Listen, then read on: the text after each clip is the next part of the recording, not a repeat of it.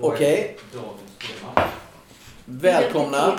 Välkomna. Vi är mitt i eh, flytttag här på Lunds fontänhus. Så vi sitter just nu i ett eh, helt kaotiskt eh, rum på redaktionen som man inte riktigt känner igen.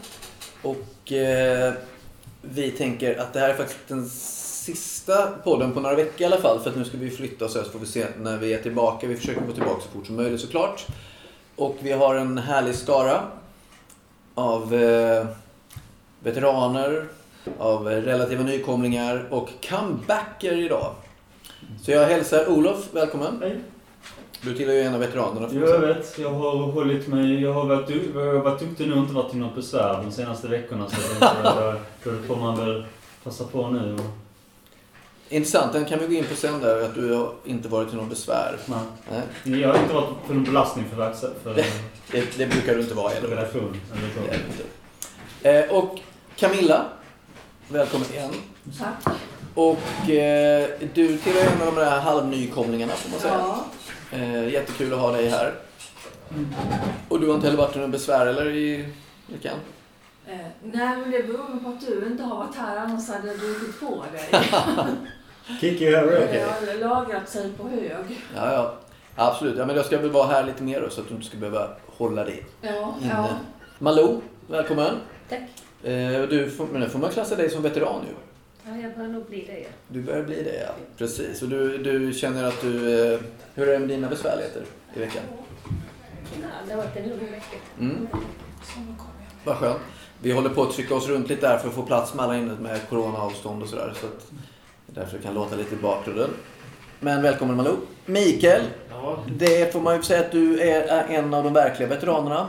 menar du då? Att du, eh, när vi sänder podd som vanligt med, med liveshow så, så var du med från allra första början och drev det och kanske vår meste Det var, programledare. det var inte i början väl, utan det var väl lite grann efter vi hade börjat. Ja, okej då. Men det var, Okej, det var, en och en halv månad efter vi Får jag hade... lov att sä- säga, kom vi, tycker du att vi kom igång mer när jag var programledare då?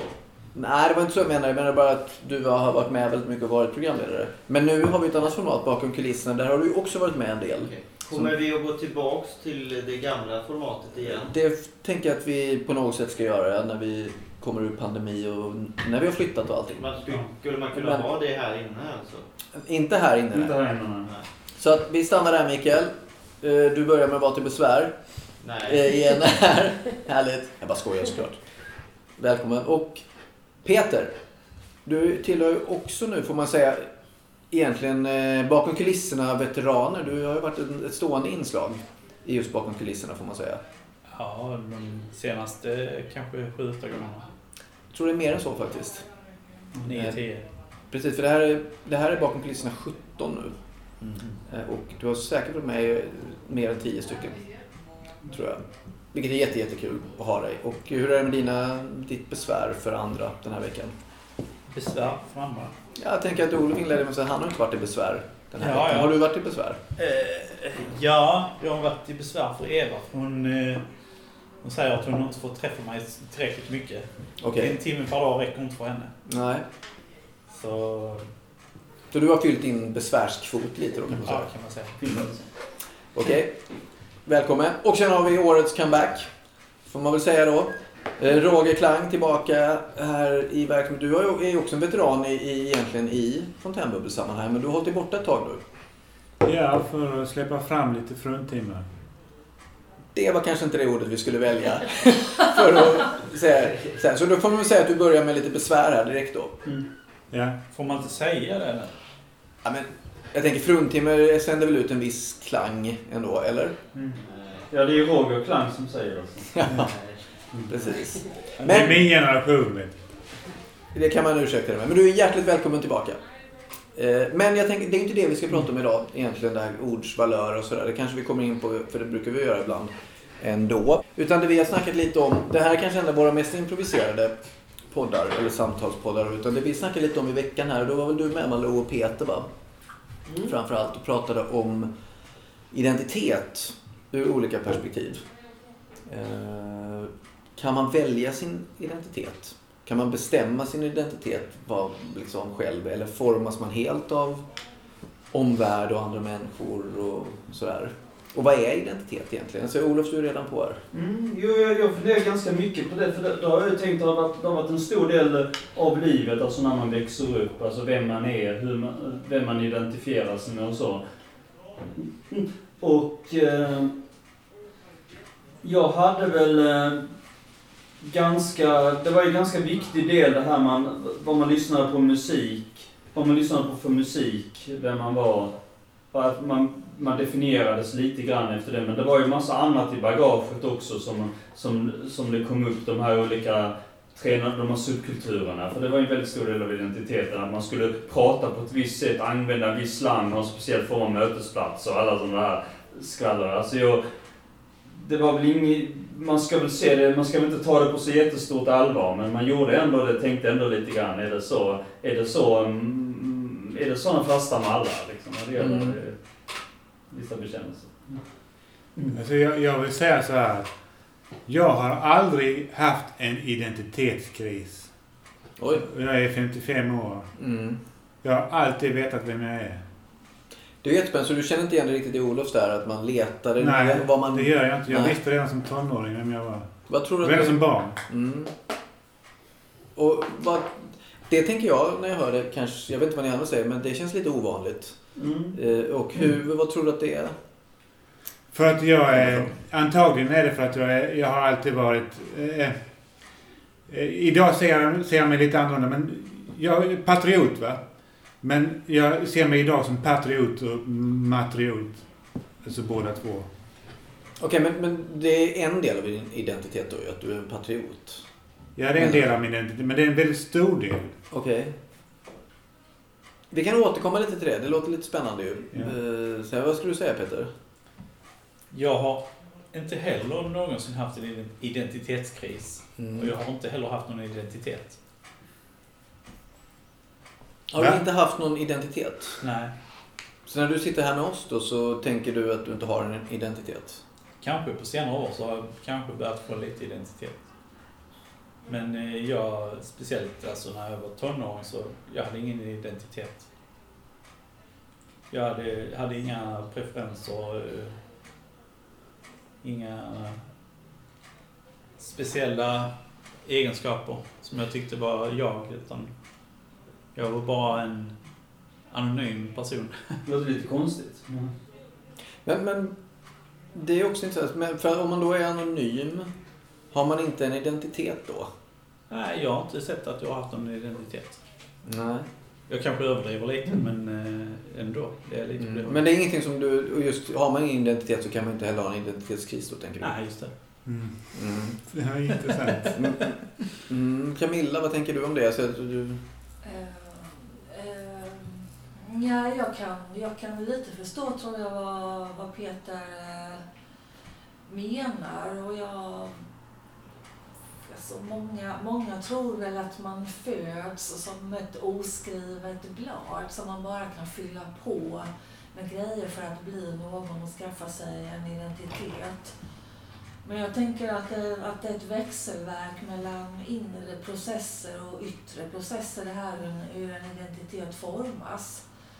Mm. Eh, och att man eh, av omgivningen, omgivningen tror jag absolut bidrar till att forma en identitet. Men eh, man kan också, som Peter säger, känna att man inte har någon identitet trots det ändå.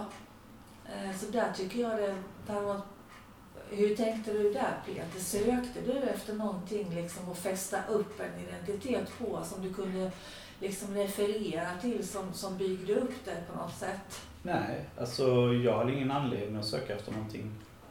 Du har inte saknat den eller har du tänkt så här att jag har inte en identitet? Nej, det har jag väl inte riktigt tänkt heller. Utan jag har bara existerat som... Tycker att alltså, jag är som jag är, men det, jag har inte byggt upp det på några fasta, fasta saker som att jag tänkt att så här tycker jag, eller så, sån är jag, eller så. Det har jag inte gjort. Så att eh, jag... Jag har ju fungerat ändå alltså. Men... Eh, Men till exempel då när du säger att ja, men kanske att jag har någon mer identitet nu då. ja, vad, vad baserar du kanske det på då? Usch, vilken svår fråga. Eh, ja, jag vet inte men jag, jag har väl kanske börjat att få lite mer hum om lite vad jag tycker politiskt. Som jag, jag har aldrig haft några speciella politiska åsikter innan men jag kanske börjar få det lite grann. Mm. Och då kanske man har lite identitet på grund av det. Mm. Malou, jag tänker så här, när man, när Peter nu säger, men jag, nu har jag hittat en specifik grej som jag kanske börjar få lite åsikter i, då blir det en identitet. Hur, hur skulle du definiera identitet? Det är en svår fråga såklart, men, men så här spontant, vad, vad är det så här, åsikten, är det ens identitet? Det är, väl min, det är väl min uppfattning av vem jag är. Mm. Men för många andra så är det vad man gör, tror jag. Mm. Tyvärr så är det väldigt mycket så i samhället, eller jag upplever att det är väldigt mycket så i samhället, att det är frågor till personer. Vad jobbar du med? Och utifrån det så har de fått en identitet. Du är lärare eller du är byggarbetare eller du är en industriarbetare eller något sånt. Och så har man satt någon, någon Mm. stämpel och så har, tror man att man vet vilken identitet den personen har. Mm. Tror du att man då också själv färgas av det som andra Ja, det bestämmer? att Ja, det tror jag. Mm. Och därför tror jag att det kan vara rätt lätt att man hamnar i en, i en kris när man blir arbetslös till exempel. Mm. Och att många som blir arbetslösa gör, för då är det nog lite känslan av att de inte har någon identitet. För plötsligt så har de inget arbete. Mm. Vad svarar För att normen man har sagt det, ja, liksom. Ja, och vad svarar de, man då? Eller om man är en sjukpension eller vad det nu kan vara som gör att man inte har något arbete. Men Mm. vad svarar man då? Första frågan är vad, vad jobbar du med eller vad gör du? Om man Mm. inget svar på den frågan då har man ingen identitet. Eller att man kan få den känslan. Mm. Ja, det var kanske lugnt. Nej, det är absolut inte tydligt. Jag tänkte, Mikael, ni andra ska få komma in också, men Mikael, vad, vi har pratat mycket om, om identitet på något sätt här. Vad, vad är din idé om vad identitet är? När vi nu har hört att... Mi, Nej, alltså, jag, jag tycker du ställer frågan på det viset att man inte riktigt helt förstår vad du menar faktiskt. Okej. Men, men i identitet då finns det ju det de kallar om identitetspolitik och det, det är ganska uppskruvat också. Mm. Eh, men, men, men jag har ju den uppfattningen att, eh, att eh, man kan uppfatta det att många som är emot eh, vänstern och identitetspolitiken de tycker ju det att eh, nej man ska vara normal, man ska vara på ett speciellt sätt. Mm. Och, och det här med identitet, alltså vem man ident... eh, nej, det är, det är väl egentligen största problemet tror jag har med hur andra ser på en och hur man själv ser på sig själv. Men det är ju väldigt, från min eget perspektiv, att jag tror att jag uppfattat det att de allra flesta, de är för självupptagna för att egentligen bry sig så mycket om hur, hur jag är då. Mm. Eh, Men, men det där med identitet det kan ju sträcka sig mycket längre än, än, än vad man tänker och tror och, och vad man vill vill vara också för att man kanske inte kan uppnå det för att det, det är en ekonomisk fråga det där. Hur tänker ekonomisk fråga? Ja, att man vill ha en livsstil som man inte har råd till. Jaha, okej, du tänker så. Mm. Eh, Mm. Men eh, det finns ju någonting som heter, som heter persona. Att eh, det är ett falskt ansikte. Betyder, nej, jo, jag tror det kan heta så på persona. Ja, absolut. Att det är en... Att, det- man har, att det är ett Mm. skådespel alltså. Att sa- Mm. eh, samhället är mer eller mindre ett skådespel. Att man, alltså det, jag tycker vi har blivit lurade med ordet person. För det betyder egentligen att man är en roll i, i ett skådespel. Hela det offentliga eh, offentliga samhället är ett skådespel. Mm. Det som är privat, det kommer alltid vara hemligt för det är privat. Men så är det ju. Och jag tänker det här är intressant då utifrån identitet. För då är man lite inne på det som vi har pratat om i veckan. Kan, kan man välja, välja någon annan identitet? Kan man... Eh, för det är Ja, klart att det- det finns normer och masker och sådana Ja, saker man kan bli lurad och, och Eh, jag tänker vi har några andra här. Jag vet inte vem som var första, Roger och, och Olof. Roger var- För i så fall är det Roger, Olof, Peter, Camilla. Jag, jag ser, alltså, jag tänkte på det du sa eh, Malou.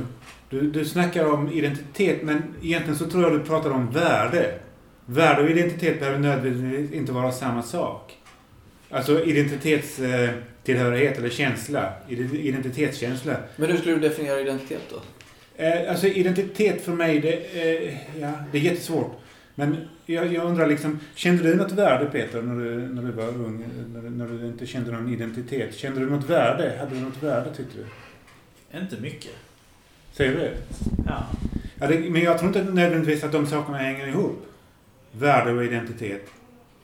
Tror du det? Vi- Viss, vissa saker kunde jag känna. Jag kunde känna att jag, att jag var eh, ganska snäll kanske. Ja, det var jag också. Och tystlåten. Det var jag också. Nej, det var jag inte. Ett tag. Sen när jag blev lite äldre så blev jag utåtriktad istället. Mm, men det är väl ett identitetskännetecken skulle jag säga då. Olof, vad tänkte du? Eh, jo, jag kan, ju, jag, kan ju, jag kan ju erkänna att jag hade ganska många identiteter som jag inte riktigt ville kännas vid då. Att varken då eller i efterhand att det var en identitet. Eh, för det, det var ju lite känsligt, men ändå kan man väl säga att jag, när jag, när jag växte upp, när jag började skolan, när jag gick i skolan, så var jag i, i princip identifierad. Jag hade ju identitet som den lite konstige, eh, han som var lite utanför, han som var lite loser, eller så.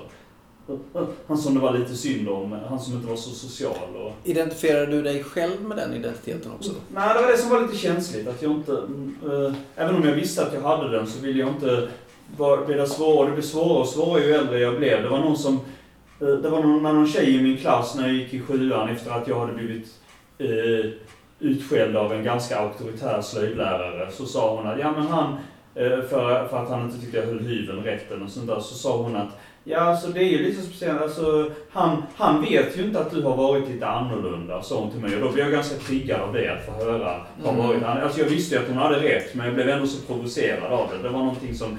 Och jag visste ju inte om vad det var liksom, som, som hade varit, men jag hade ändå den lite grann i det. Sen, eh, sen är det ju inte alltid... Sen, sen finns det ju ändå perioder under typ mellanstadiet som jag hade, som jag hade personlig assistent ett tag. Och då blev jag... Och det, det kändes så... Då var jag i den fasen lite grann, jag samtidigt ändå accepterade det rollen att jag är apan i klassen liksom. Så då gjorde jag, gjorde jag sa ganska knäppa saker och ett par tillfällen dreglade till och med på klassrumsbordet. så. Men du spelade på det då liksom? Ja, jag spelade lite på det. Ja, okej. Så jag hade väl ingen... Det var lite, eh, obefintlig självrespekt kan man väl säga. Men, eh, men, men jag spelade, men, men, men då någon gång, eh, det var i femman framförallt, fyran, femman då, men sen någon gång i femman så tänkte jag att jag måste, jag måste sluta med det här nu, jag måste anstränga mig och bli lite, bli lite mer tagen på allvar liksom. på Mm. något sätt. Ändå, eh, eh, så det var lite, det var lite hård prövning då. Och Sen, Sen blev jag väl i princip den så allmänt, den i sexan blev jag väl allmänt den igen, liksom den personen som var lite, lite, lite, lite smått mesig och lite blyg och eh, li- liksom sådär. Annars, men annars, inget, annars var det inget som var speciellt anmärkningsvärt med mig. Men eh, i alla fall, det är, den, det är den bilden. Och sen fick jag reda på senare när jag, att jag hade diagnos. Och då blev det liksom att jag är diagnostiserad med Asperger då, det som Mm. idag heter autismspektrat. Och det, det lät ju lite grann ändå bli, det har ändå blivit lite identiteten på senare, liksom efter det. Att det Jag, jag tänkte bara, kan vi komma tillbaks till det? Men för det är ju väldigt intressant, tänker jag, det här med, med diagnos och identitet. ja, På något sätt. Men, men både Peter och Camilla ville komma in förut. Peter och sen Camilla. Mikael kopplade ihop eh, identitet med vänstern, gjorde du det? Det är många som gör det. Jag Jaha. tycker inte det. Men, men eh, att det har med att det är identitetspolitik då. Men, men Att det är det vänsterpolitik? finns sådana som drar till med och säger de är riktigt fula och säger att ja, det är kulturmarxism. Och det, var, det kom ju fram med den här terroristen Breivik då. Mm. Ja, jag, jag tycker det är uttjatat. Det stämmer ju inte. Jag tycker det finns mycket att säga där, men jag tycker vi skulle kunna vänta, vi skulle kunna vänta lite med den, eh, det ämnet. För jag har mycket att säga där också. Det är många som har mycket att säga. Du har mycket att säga Olof. Eh, Camilla, vad, Ja, jag, tänk, jag tänker att identiteten formas i en interaktiv process mellan liksom inre drivkrafter och kanske till och med önskemål om att ha en viss identitet. Och det man kanske bär med sig från, från födseln som man har med sig på annat sätt än genom miljön. Men att sen omgivningen kan ju antingen bekräfta eller gå emot den här identiteten man antingen har med sig eller någonting som man vill bli. Mm. Och där hamnar man då i omgivningen som inte bekräftar den här identiteten så blir det ju väldigt plågsamt. Som du sa Malou, det här och många svenskar identifierar sig med arbetet och tappar man arbetet så förlorar man sin identitet. Men jag, tänk, jag tänker på alla de här Eh, kriminella nätverken då, så här, vad har de, de har ju uppenbarligen, jag, tänker att identitet för den egna personen är någonting positivt. Eh, för om, om man är en ganska trygg person så kanske man har en ganska eh, förhoppningsvis en positiv syn eh, på sig själv. Har man varit utsatt för många otrevliga saker så kanske identiteten har blivit trampad på och man, man, man har anammat föreställningar om, om sig själv som inte egentligen eh, är korrekta. Men de här kriminella då, som majoritetssamhället så här, eh, tycker ju inte att någon av dem står för någonting positivt eller några goda värden. Men de, deras identiteter på något sätt bygger ju på en helt, någonting helt annat, Mm. tänker jag, än de, de majoritetssamhället. Ja, och det de form, hur de formar sin, vad- hur ser de på sig själva egentligen? De har väl en jättestark identitet. Ja, de har ju det. Så man, jag hörde poliser som sa att det finns inga teambildare som kriminella. Nej. Alltså det är sjukt starkt. Ja, det är det är i den identitetsbyggandet, liksom. en, en, en person som skjuter ihjäl en tonåring så här liksom. Att Mm. Bygger han upp det på, eller han hon upp det på något slags då självförhärligande i kombination med beundran från omgivningen? Eller hur formar de sina identiteter egentligen? Mm. Har de, många av dem kommer in som små när de kanske inte har några identiteter. Ja, de så formas. Byggs liksom. Men återigen, så. det här är alltså skillnad på identitet och värde som jag sa. De har inget värde, de känner inte att de har något värde, men de har en stark identitet. Men om, okej. ta- är det verkligen så att inte identitet och värde sitter ihop? För jag tänker att jag börjar fundera lite här. För att ger inte identiteten du vill ha eller du vill spegla eller den du får dig ett värde?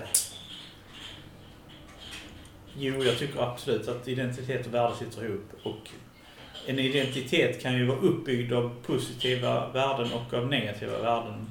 Eller jag vet inte, det heter väl så. Positiva värden, negativa värden. Mm. Eh, och, och, och eller neutrala värden kanske som ligger mitt emellan positivt och negativt. Så att absolut har det en koppling alltså. Mm. Jag, jag ser inte det så, för jag ser det så här. Du har till exempel, det, å ena sidan har du de, de här extremt på högerkanten, nazister.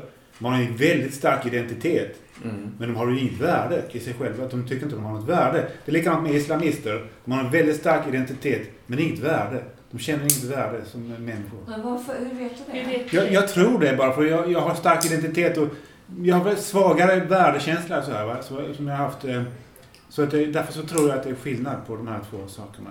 Jag har inte riktigt så stark värdekänsla som jag har identitet. Men, men de som ingår i väldigt sådana här då kollektivistiska rörelser, har Mm. deras personlighet, personliga identitet på något sätt uppgått i, i en större kollektiv identitet egentligen? Så att de... Nej, de, det tror jag Du inte. tror inte det? Nej, därför att de, de är så väldigt individualistiska på det sättet att de slåss hela tiden om makten i de här kriminella organisationerna. Du har Hells Angels, du har alla möjliga sådana här organisationer. Det är hela tiden bråk och kiv om vem som ska bestämma och så liksom. Och, och det är mycket, många som är psykopater också och de har ju absolut inget värde. De har ju bara identitet. Fast de har inget värde, tänker jag nog du, det är ju vad du också lägger i. Nej men jag Utifrån tänker så att de känner inte att de har något värde. De känner Men det de kan man något inte veta om de inte har. Nej men jag, jag, jag kan bara utifrån mig själv. Mm. Jag, jag, har ju, jag känner att jag har ett värde va. Men det är inte så starkt som min identitet. Min, min identitet är starkare än mitt, min värdekänsla. Jag vet inte om jag hänger med riktigt på vad, hur, vad skillnaden skulle vara riktigt. Liksom. Alltså hur den ena skulle kunna vara starkare än den andra. På något vis. Vad skulle du säga Peter? Eh, Det verkar som att vi har olika definition på ordet värde också, eh, Roger. Att eh, du säger värde och då menar du positivt värde. Mm. Så när du säger värde, då menar du positivt Ja, jag vet givetvis. Ja. Och du anser inte det finns något negativt värde? Eh, nej, det, det, det tycker jag inte man ska säga. För värde i sig betyder ju alltså det, att det har någon, någon, någon... Som guld, det har ett värde. Liksom. Det är något bra då, på, som man ser. Eller hur man ska se det. Men, men styrs inte värde av, av, också av, av normer och förväntningar utifrån vem som lägger an perspektivet? Tänker jag. Alltså ur ditt perspektiv och mitt perspektiv så kanske en, en islamist eller en nazist har ett lägre värde utifrån idéerna än vad en eh, i, jag var någon i en liberal demokrati eller socialdemokrati har liksom. Men jag skulle vilja påstå att alla islamister och alla nazister, de har inte haft så speciellt bra liv. De har inte fått något värde hemifrån. Menar du att de själva ser sig då som utan värde Ja, fast ja, ja. de kan ha Ja, väldigt stark ident- ja precis. identitet Exakt så menar jag. Men ändå inte ha något värde? Det är så, så ser jag det. Ja, det är ju en idé om det, men det är svårt att säga att det är så. Nej, nej, det är min idé va? Mm. Det, jag, jag kan inte säga det. Vem- Ja, Olof, Alltså, man kan ju säga, för att koppla så här lite idéhistoriskt och så, så kan man säga att det här med personliga identiteter överlag, att vi har, att alla är sin, det är ju en koppling, det, det är ju framförallt någonting som har vuxit fram med, med humani, det, huma, det humanistiska tänkandet istället, istället för att se människor som olika, som, eh, som eh, kuggar i ett samhällsmaskineri, att vi är egna att vi är egna människor med egna preferenser som ska bedömas individuellt, säger jag. Mm. Men- det, Mikael, vad, ja, precis. Det är ju spännande. Vad skulle du säga Mikael? Jag, jag tror egentligen att den centrala meningen i identitet det har väl egentligen med vem, vem andra ser en. Mm. Tänkte, ja. Att, att eh, identiteten, alltså vem, vem, vem, ska jag vara som offentlig person? Mm. Eh, att Roger var inne på det, han tyckte att eh, högerextrema nazister och de har inte så mycket värde. Det beror ju på andra då, uppfattar jag det som. Stämmer det Roger, att det beror på andra? Det, det stämmer på det sättet att det beror på deras föräldrar, deras familj. Alltså den har, haft- den har, den har varit dysfunktionell. Okej.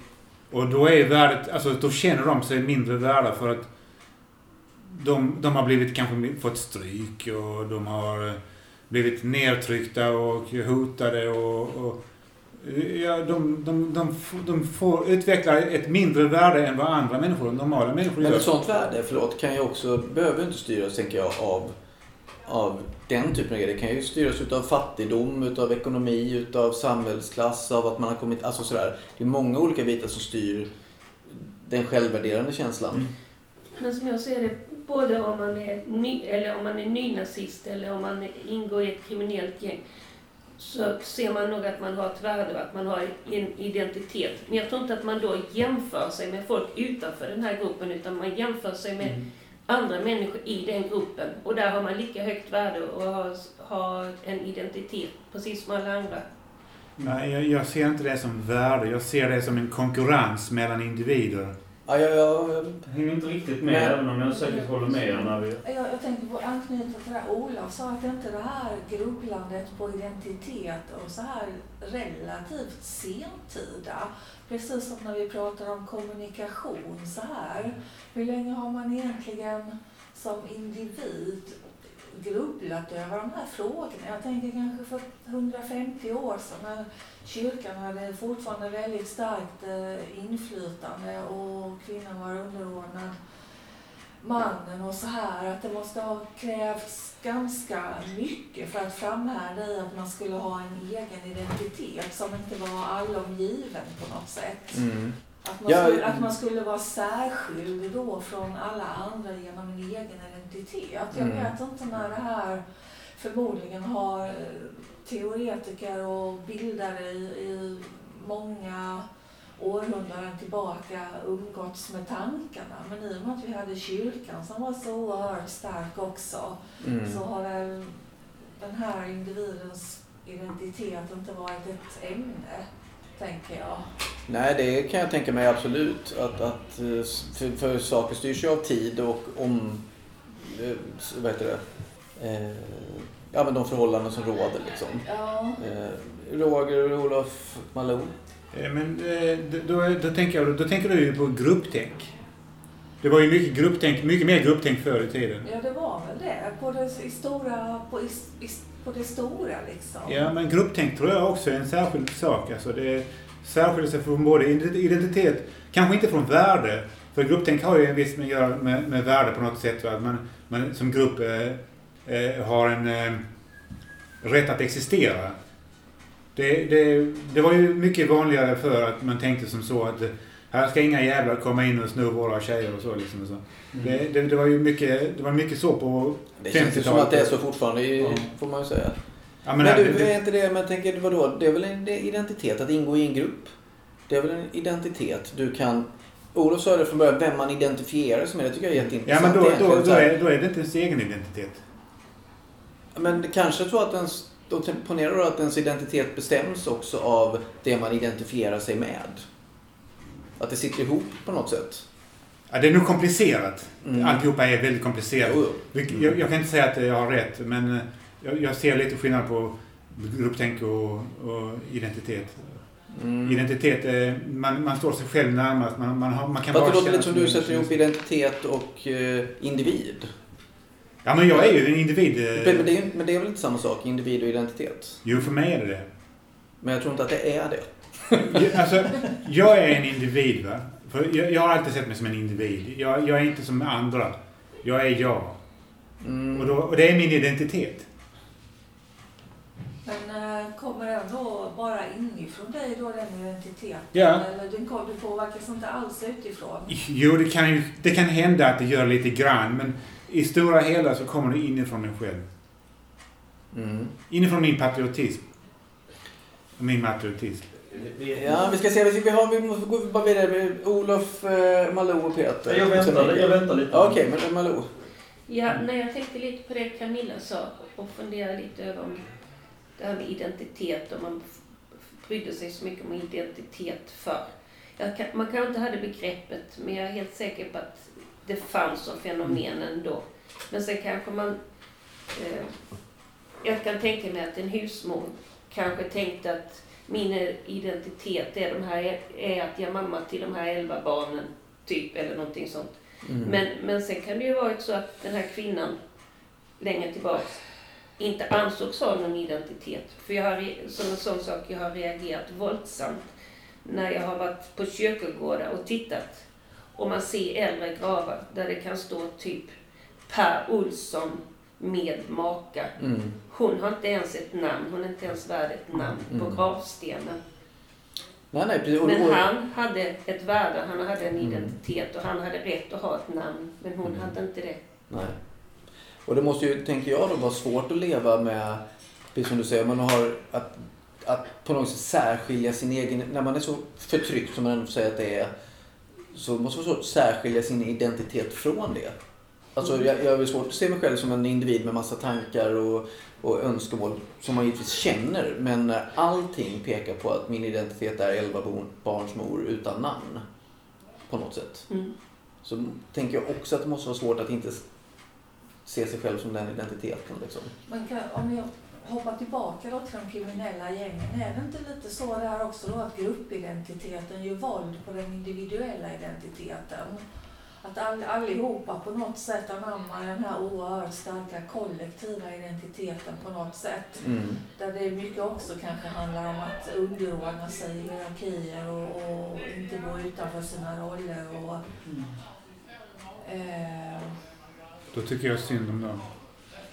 Det kan man ju göra, absolut. Men, men jag tänker att det är väl... så. Ja, det låter intressant. Ja, någon slags motsättning där finns det ju. Det låter ju väldigt så här djuriskt på något sätt. Alltså om man tittar på där, där man har alfa och beta, alltså allt det här. eh, Där man befinner sig och där man... Och det gör väl vi alla tänker jag, fast i olika grad. Så har vi väl olika makthierarkier som vi anpassar oss efter dagligen. På något sätt. Vad skulle du säga Peter? Ja, eh, det, det du säger om eh, gruppidentiteten när man blir kri, alltså kriminella då. Jag tror det, det handlar nog om där man befinner sig mycket. Alltså, det, de människorna man ser med varje dag så, man, man knyter sig till dem. Och jag tror även att den geografiska identiteten tror jag börjat luckras upp tack vare att det är så mycket kommunikation mellan olika länder. Och mm som unga människor som sitter och spelar tillsammans med andra ungdomar som är från andra länder så jag tror att deras identitet blir annorlunda. De blir inte lika hårt knutna till det geografiska. Mm. Innan, innan vi hade telefoner så tror man var mycket mer knuten till sin by. Till exempel. Mm. Men idag är man ju inte knuten till en by. Alltså Mm. jag, jag ser inte mig som, som klostergårdare eller... Alltså jag Så, gör... så var det förr. Så Mm. var det förr. Alltså på min tid när jag var ung, då, då var det så. Mm. Ja. Då, då var det alltså, de här de, de eh, från väster var, eh, var eh, rötägg eller vad man vill säga. De, de, de, de samlades i, i, en, i en klunga liksom och ja, de gjorde det de gjorde. Och det var likadant med Södra Sandby och det var i Sjöbo och det var alla ställen där jag har bott liksom. Där, där var det en viss bymentalitet. Mm. Mm. Mikael. Och sen Olof. Alltså det, man ska väl inte... Eh, jo men det har ju det med identitet att, att det har med stigma att göra. Att, nej, alltså att man blir värdelös. Mm. Eller nej, har väl liksom att, att det har med självhävdelse att göra. Att man kanske inte tror att man kan hävda sig. Har jag rätt nu? Ja men att det sitter ihop med självkänslan på något sätt. Ja, ja, men, men det är liksom varför ska man vara, spela, ha, ha en...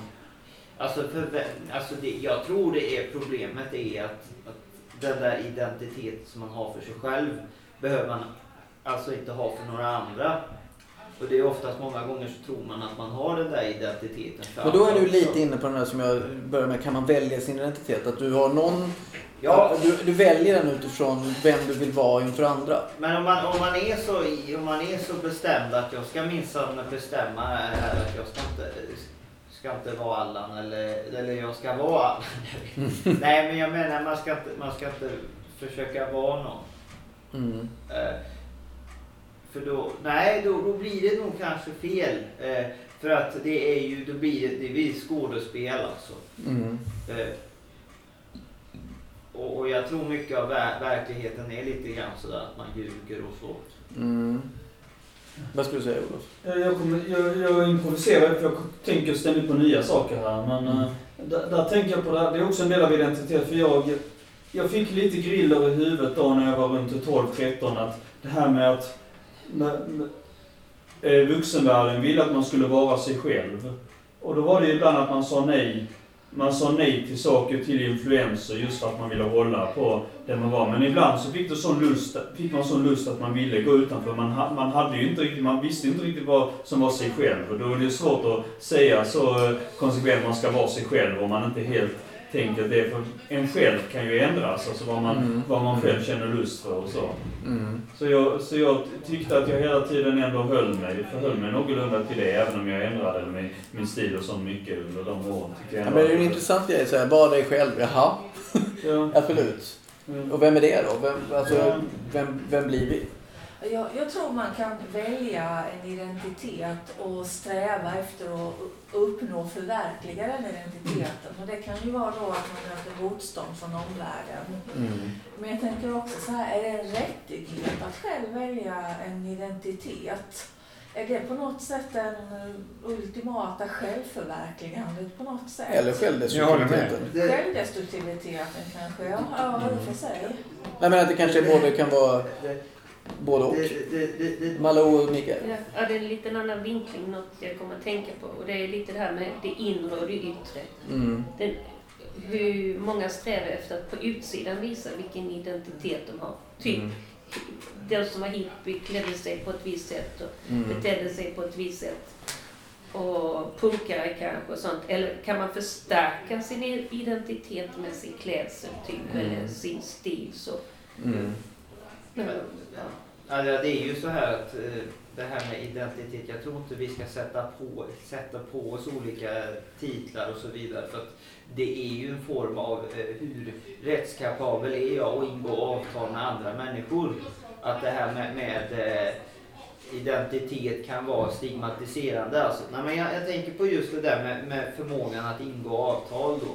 Att nej men man, jo, jo att, att, att det, det är liksom allt är kommers i den här världen. Att ja, ja, det har blivit sådär, det låter sådär med, med eh, identitet. Att ja, det ska vara någon, någon modegrej alltså. Att det, är någon, det ska vara inne och det köper vi och det säljer vi. Men det, jag tror att, att nej, man ska inte hänga på sig någon identitet. Men tror att- Identitet som handelsvara. Ja, det blir ju det. Det är ju det jag menar. Att Mm. är du, eh, anses du vara ganska ful och så, då är, då är du inte särskilt mycket värd. Mm.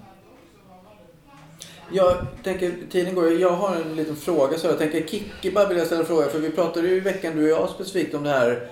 Eh, som Malou sa det här med om man kan få ut, kan man förstärka sin identitet som man känner inuti genom att välja kläder, välja det uttryck man sänder ut. Eller påverka, är det det som påverkar inåt? För vi hade lite, vad, tänker du om det Kiki? Eh, nej, alltså jag har ju min stil, men eh, jag är på, får på fram för det faktiskt. För att jag vågar vara annorlunda på utsidan, så att säga. Va? Mm, jag blir hånad för det. Man till och med skrattar och bara så här. Mm, Liksom. Men då känner jag ju så här att då måste de ju vara väldigt osäkra på insidan, de här människorna. mm. Att de inte själva vågar och vara sig själva, så att säga. Va? Mm. Så kan det ju vara, men tänker du, tänker du att du förstärker den inre identiteten du känner att du har med dina kläder? Eller jag är väldigt osäker på insidan. Jag vet att det är jätteskitsigt allt det här. Va? Mhm. Så att jag känner mig tuff då när jag har min musik i hörnet, när jag har min stil liksom. Jag går på gatan liksom. Yes, kommer jag. Va? Ja, Okej, så du, det är jättespännande. Du använder den yttre identiteten för att förstärka dig, för att stärka dig själv, din osäkra Ja, sida. precis. Det kan man säga. Ja, just det. Mm. Ja, det är ju jätte, det är ju spännande perspektiv. Ja, sen, sen tror jag att liksom, ja, men då måste jag vara jätteutriktad då liksom när jag är här. Men det är precis tvärt emot alltså. Mm. Ja, det är spännande. Tack Olof för att komma in här. Tack Kiki. Jag, jag tänker på det här med identitet. Alltså det formar ju väldigt mycket tycker jag vilken musik man lyssnar på, vilken som är i den. Och där, där kan man säga, jag, jag själv... Den period jag hade mest problem med identitet, det var under den tiden när, när, när, min musiksmak inte riktigt var konsistent. Alltså att, att jag inte riktigt visste, att jag inte hade någon rak linje vad jag gick igång på. Alltså vad, vad det är en låt som jag, som jag och det var ju 13-14 års ålder. Liksom, så Mm. kanske, kanske en, ytterligare lite senare kanske till och med. Men då, då var det liksom, då, då var det något, något, eftersom det var lite inkonsistent att man ibland, eh, man ibland fyller upp när man har tappat intresse lite grann för musik. Då fyller man på genom att lyssna på musik man ändå egentligen kanske inte tyckte var så spännande. Och det var inte så spännande heller. Men då blev det liksom en del, och då, då blev ju också identiteten lite, det blev ju det här eh, Ja, men jag tänker lite, är inte den där klassikern bara visa mig din skivsamling och ska berätta vem du är? Jo, det är väl... På något sätt att, att jag tycker det är spännande som du inledde, att det man väljer att identifiera sig med Mm. I samklang med sin identitet. Var börjar man och var slutar Ja. Alltså att det på något sätt sitter ihop där. Jag har vid något tillfälle låtsats att jag tycker om en viss typ av musik bara för att låtsas att jag hade någon slags identitet. Mm. Ja, Hur kändes det då? Ja, det, det kändes inte så bra egentligen. För att eh, då blev man ju rädd att man skulle bli upptäckt. Att, eh, för det, liksom, jag låtsades att jag tyckte Depeche Mode var jättebra. Bara för att det var en annan, kom, en, en annan kille i min klass som jag, jag tyckte... Jag slog upp till honom för jag tyckte han var, han var, han var både smart och social och, och karismatisk. Så jag, jag, jag, när, han, när, han, när, han, när vi pratade om musik så, så, så låtsades jag att jag tyckte jättemycket om Depeche Mode bara för att han gjorde det. Ja precis, men det, det känner man nog igen sig. Det kan jag känna igen mig också där hur man på olika sätt ska anpassa sig efter att bli respekterad som en cool typ av de man tycker är cool. Ja, men det var inte för att bli respekterad eller så utan det var Ja, bara... vi tillhör. Jag, jag, jag tyckte det kändes pinsamt att, att, det skulle bli, eh, att det skulle uppdagas att jag inte tyckte om någon speciell musik alls. Utan Mm. det, det kändes pinsamt och då var jag tvungen att låtsas att jag tyckte om någon slags musik. Och då var det samma musik som han tyckte. Det var ju läm ganska lämpligt då. Ja, liksom, ja, precis. i, I den stunden alltså. Mm. Eh, vad skulle du säga Roger? Eh, jag tyckte om Depeche Mode, men eh, jag tyckte om den mesta musiken. Jag lyssnade på lite av varje. Det fanns musik jag inte lyssnade på. Jag lyssnade inte på jazz eller på någon sån där gammal musik då. Men jag, jag, jag, framförallt så tror jag att musiken på mig, den gjorde intryck av Bruce Springsteen. Inte för att jag, jag tror att egentligen tycker jag hans musik är så himla bra, men det var ju det att han var så, han var så oerhört karismatisk och hade sån impact på en. Mm. Han, eh, så han var en, alltså, som Elvis Presley, va? han hade en väldig impact på en. Så man, man nästan fick en, en chock så här. Och tänkte, åh han är ju skitbra och så här. Mm. Idag Men du tror inte på, för jag tänker, eh, men identifierar du dig med någonting? Ja, det var i så fall eh, Bruce Springsteen och... och jag, Men just i Bruce Springsteen, var det någonting i hans musik eller hans person Ja, alltså som du kunde identifiera dig själv med? jag, hade, jag, jag, jag gjorde för mycket skit så jag, jag hade inte råd. Men jag ville ha en, en, och det låter konstigt, men jag ville ha en, en sån här eh, rutig, skotskrutig arbetarskjorta. Jag, jag hade inte råd att köpa det. Nej, nej, För precis. jag gjorde alltid av med pengarna på annat. Jag hade aldrig någon. Mm. Men det var det här. Men det hade du velat ha? Det, det, det var det jag ville ha, ja. Men det köpte jag inte. Jag tänkte på det när jag var, fem, när jag var sådär 15-16 då så hade jag... Eh, jag prövade på att vara, först prövade jag på att vara hiphoppare typ under ett halvårs tid medan jag var 13 och ett halvt, 14 liksom så genom att... Eh, genom att så. Och det, det tyckte jag det var ganska... Jag kände, jag, jag var ganska inne i det, kände, trivdes ganska med det men jag hade redan bestämt att det var en kort period och jag, och jag, och jag, jag lägger av någon gång i sommar. Mm. Liksom, och det, då följde jag mig till den mallen att jag höll precis på den stegen ganska länge. Jag lyssnade, alltså att, att jag satte mig in i det. Sen kom den till lusten tillbaka lite grann i, eh, när jag gick i nian. Mm. Eh, eh, någon gång under någon gång första halvåret i nian. Sen i slutet av nian så var det en kompis som själv hade fått en ny, ny, ny, nyutväxt intresse för hiphop. Så, och jag frågade honom om han kunde hjälpa mig att köpa. Det var någon sån här märke, sån här, eh, vad han hade fått sina byxor, där Echo, ett sånt där hiphopmärke då. Och då sa han att han hade lite synpunkter på vad jag, eftersom han tyckte att jag var inte en tillräckligt äk, jag, jag var ingen tillräckligt äkta hiphoppare för att börja med riktigt de, eh, de snobbiga Du var inte där än alltså? Nej. Nej. Mm. Så, så, så, så han rådde mig, ja ett, eh, det är bättre, använd hellre typ mina byxor. Han hade själv byxor som han hade gett mig några år tidigare som var såna riktigt stora, säckiga men inte så, i, inte, men, men, lite mer, men lite mer obskyra. Det tyckte han var en bättre början. Att, Mm. att jag att hålla på det istället för att köpa den. Hörni, jag tänker att eh, klockan är ganska mycket... Jag var ny, nyfiken, för vi jobbar ju med, med, med rehabilitering och skörhet, psykisk ohälsa. Så du var inne på förut Olof, att när du fick din diagnos Ja. så blev det en identitet också. Så hur ser ni på det? Så för att jag skulle kunna tänka mig att det finns en motsättning där utifrån diagnos och den man är. Är man sin diagnos liksom? Är det ens identitet? I värsta fall är man sin diagnos. Hur tänker du? Ja, alltså när, när, eh, när vårdapparaten har lyckats institutionalisera dig så, Ja. Mm. så att du börjar tro att du är din diagnos och du passar väldigt bra in i vården. Du går till din avdelning och du är en patient där. Och, Ser du dig själv då som den? Nej, inte just du, men du tänker jag tror då generellt. börjar man tänka att man kanske är en patient, att man kanske är till huvudsakligen är en, en sjukdom. Mm. För jag- Sjukdomsbärande person. En, en grej som jag alltid undrat över, ska jag komma ihåg, men jag tänker så här, det fanns jag tror det finns fortfarande attitydambassadörer så här, som går ut och föreläser om Mm. att leva med sin psykiska ohälsa. För att informera och bryta stigma kring psykisk ohälsa. Och, och, så, och då får man det, jag bara tänker så här, okej, och så blir det ett jobb. Jag vet inte, vad tänker ni om det? För jag tänker att det finns någon komplexitet i det kring identitet liksom. Ja. Man har varit sjuk väldigt länge som jag har. Då blir man en del av sin, sin diagnos. Alltså man, man, det är ofrånkomligt för man, man märks av sig själv om man, säger, hur man ska förklara det. Men man, eh, man har vissa egenheter som gör att man, man, man börjar tänka annorlunda och kommer in i, kommer in i den här sjukdoms... Alltså man har, som han säger då, att, eh, Peter, att eh, man... Vården behandlar en på ett visst sätt och så. Och man, till sist så börjar man tänka så om sig själv också. Liksom. Mm. Det, det, det, det, så jag håller Det är ofrånkomligt. Mm. Eh, Ja, nu tappar jag tråden här. Ja, jag pratade lite om det här med att jobba med att Ja, just det. Ja, man, man har förlorat sitt jobb eller utifrån att man har varit sjuk. Ja, just det. Alltså, först när man blir inlagd så försöker de att inbilla en att att man är sin sjukdom. Men du ska ha sjukdomsinsikt. Du måste förstå att du är sjuk. Förstår du inte att du är sjuk så är du ännu mer sjuk. Och det, det tjatar de på mig i, i flera års tid. Och sen, när man, när man väl har accepterat att man är en sjukdom så säger de du ska inte vara din sjukdom. Du, du måste förstå att du är en annan person. Mm. Glöm din sjukdom, du ska bara vara som det är. Så försökte de liksom att få tillbaka en igen. Liksom, alltså det är ju rundgång i systemet. Alltså, eh, det, det känns ganska meningslöst egentligen.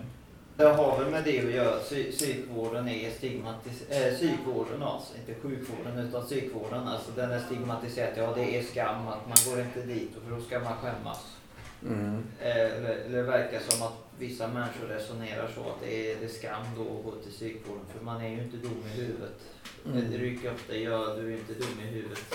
Mm. Eh, Men det är ju så att, att ja, med identitet, att ja, man sätter eh, dåliga etiketter på folk för att man anser att de är dumma i huvudet. Eller Men- tänker, tänker jag helt fel? Men jag är bara den enda människan som tänker så.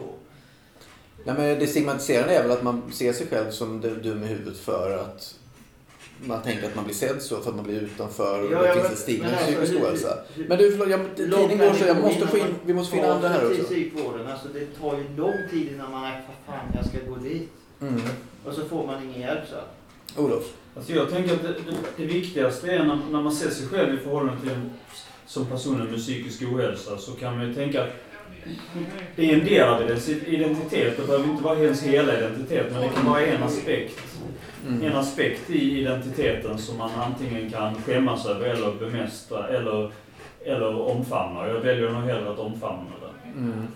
Och att inte skämmas. för det. Men man ska samtidigt inte gå ut över det för mycket. Man måste samtidigt låta sina egna, det, det är bara en sido, det är bara en liten del av det som är själva Mm. renhållet. Men en del, det kan ändå ses på en del. Det är helt, vi behöver ju, alla människor behöver någon form av identitet, någonting att luta sig lite grann på som Mm. definierar oss. Så då är det ju bra, då kan det ju vara alla sådana, att man har en diagnos kan vara en del av ens identitet också. Mm. Vad, vad tänker Camilla och Malou? Har ni några tankar om det här innan vi avslutar? Men alltså bara, bara det här begreppet psykisk ohälsa tycker jag är att göra våld på en, en individ. Liksom. Det finns ju, finns ju ingen annan grupp där man så konsekvent försöker pracka på en, en konstruerad identitet. Det finns aldrig människor som, som klumpar ihop sig i kollektiv för att de har hjärtproblem och som, som, som tvingas i varje sammanhang arbeta för, för att minska fördomarna om hjärtproblem och, och, och det här liksom. Utan det är just, just, just den här diagnosen och ska man vara, just det här att Fontänhuset är öppet för medlemmar med, med psykisk ohälsa och det är en fantastisk verksamhet. Men där har vi ju redan från början då en liten särskiljande definition på vem som får vara medlem här liksom. Och Mm. det där, Det är ju en identitet i sig. Jag Ja, är det- medlem det på Lunds Det där fontänhus. blir centralt på något Mm. sätt då. Det är centralt då för att man ska få vara här överhuvudtaget. Mm. Men jag håller inte med om att det är de enda grupperna som klumpas ihop. Jag hörde på radion idag, det var något, något, det är något program som leds av någon, någon kvinna som tydligen kommer med rollator, hon är 35 år. Men det genomgående där var vi funkisar, så visst gäller det Vad sa du att vi funkisar, alltså med Ja, funktionshinder, olika. Mm. Ja, Mm. ja. Och visst finns det väldigt mycket fördomar och sånt där också. Väldigt mycket etiketter och rubriker på folk med fysiska handikapp. Ja, men jag, jag, jag, jag tänker kan, ja, absolut sådär, men då, då är det ändå den här att vi har funktionsnedsättning och då finns det en mängd diagnoser eh, för det liksom, när man har det som en identitet att vi är funkisar då. Men, men samtidigt så verkar ju många verkar ju brinna för det här också, att man, att man vill då bekämpa de här fördomarna. Man söker sig till organisationer med likasinnade eller med och så här liksom. Men, Mm, Och då har vi ju grupperingen igen då, det- det är identiteten som- i gruppen. Så, här, så det är spännande. Ja. Hörni, vi behöver avsluta eh, Ja. här för att det är folk som vill ta sig in på vår länk. Ja. Eh, men jättespännande här, förlåt Olof, men det är ju många, många spännande grejer och här fick vi nästan lite cirkelrörelse kring att man skapar grupperingar för att skapa och i det skapar man en gemensam identitet. Jag skulle bara lite- säga det att As- Asperger har ju en, en kategori, man kategoriserar sig själva som Aspies. Det har blivit Ja, ja, precis. Det finns ju där också. Precis, så att, eh, men hörni, jättespännande. Nu, nu avslutar vi och eh, så, ja, om några veckor så är vi tillbaka i vilken, kanske i en, eh, i en mer publikinbjudande form eller så kör vi så här. Men till dess så får ni ta hand om er och ni där ute, ta hand om er. Kiki och, och Rosmarie och ni andra som var med. Eh, så syns vi. Hej då. Hej då allihopa! Hej då. Hej då.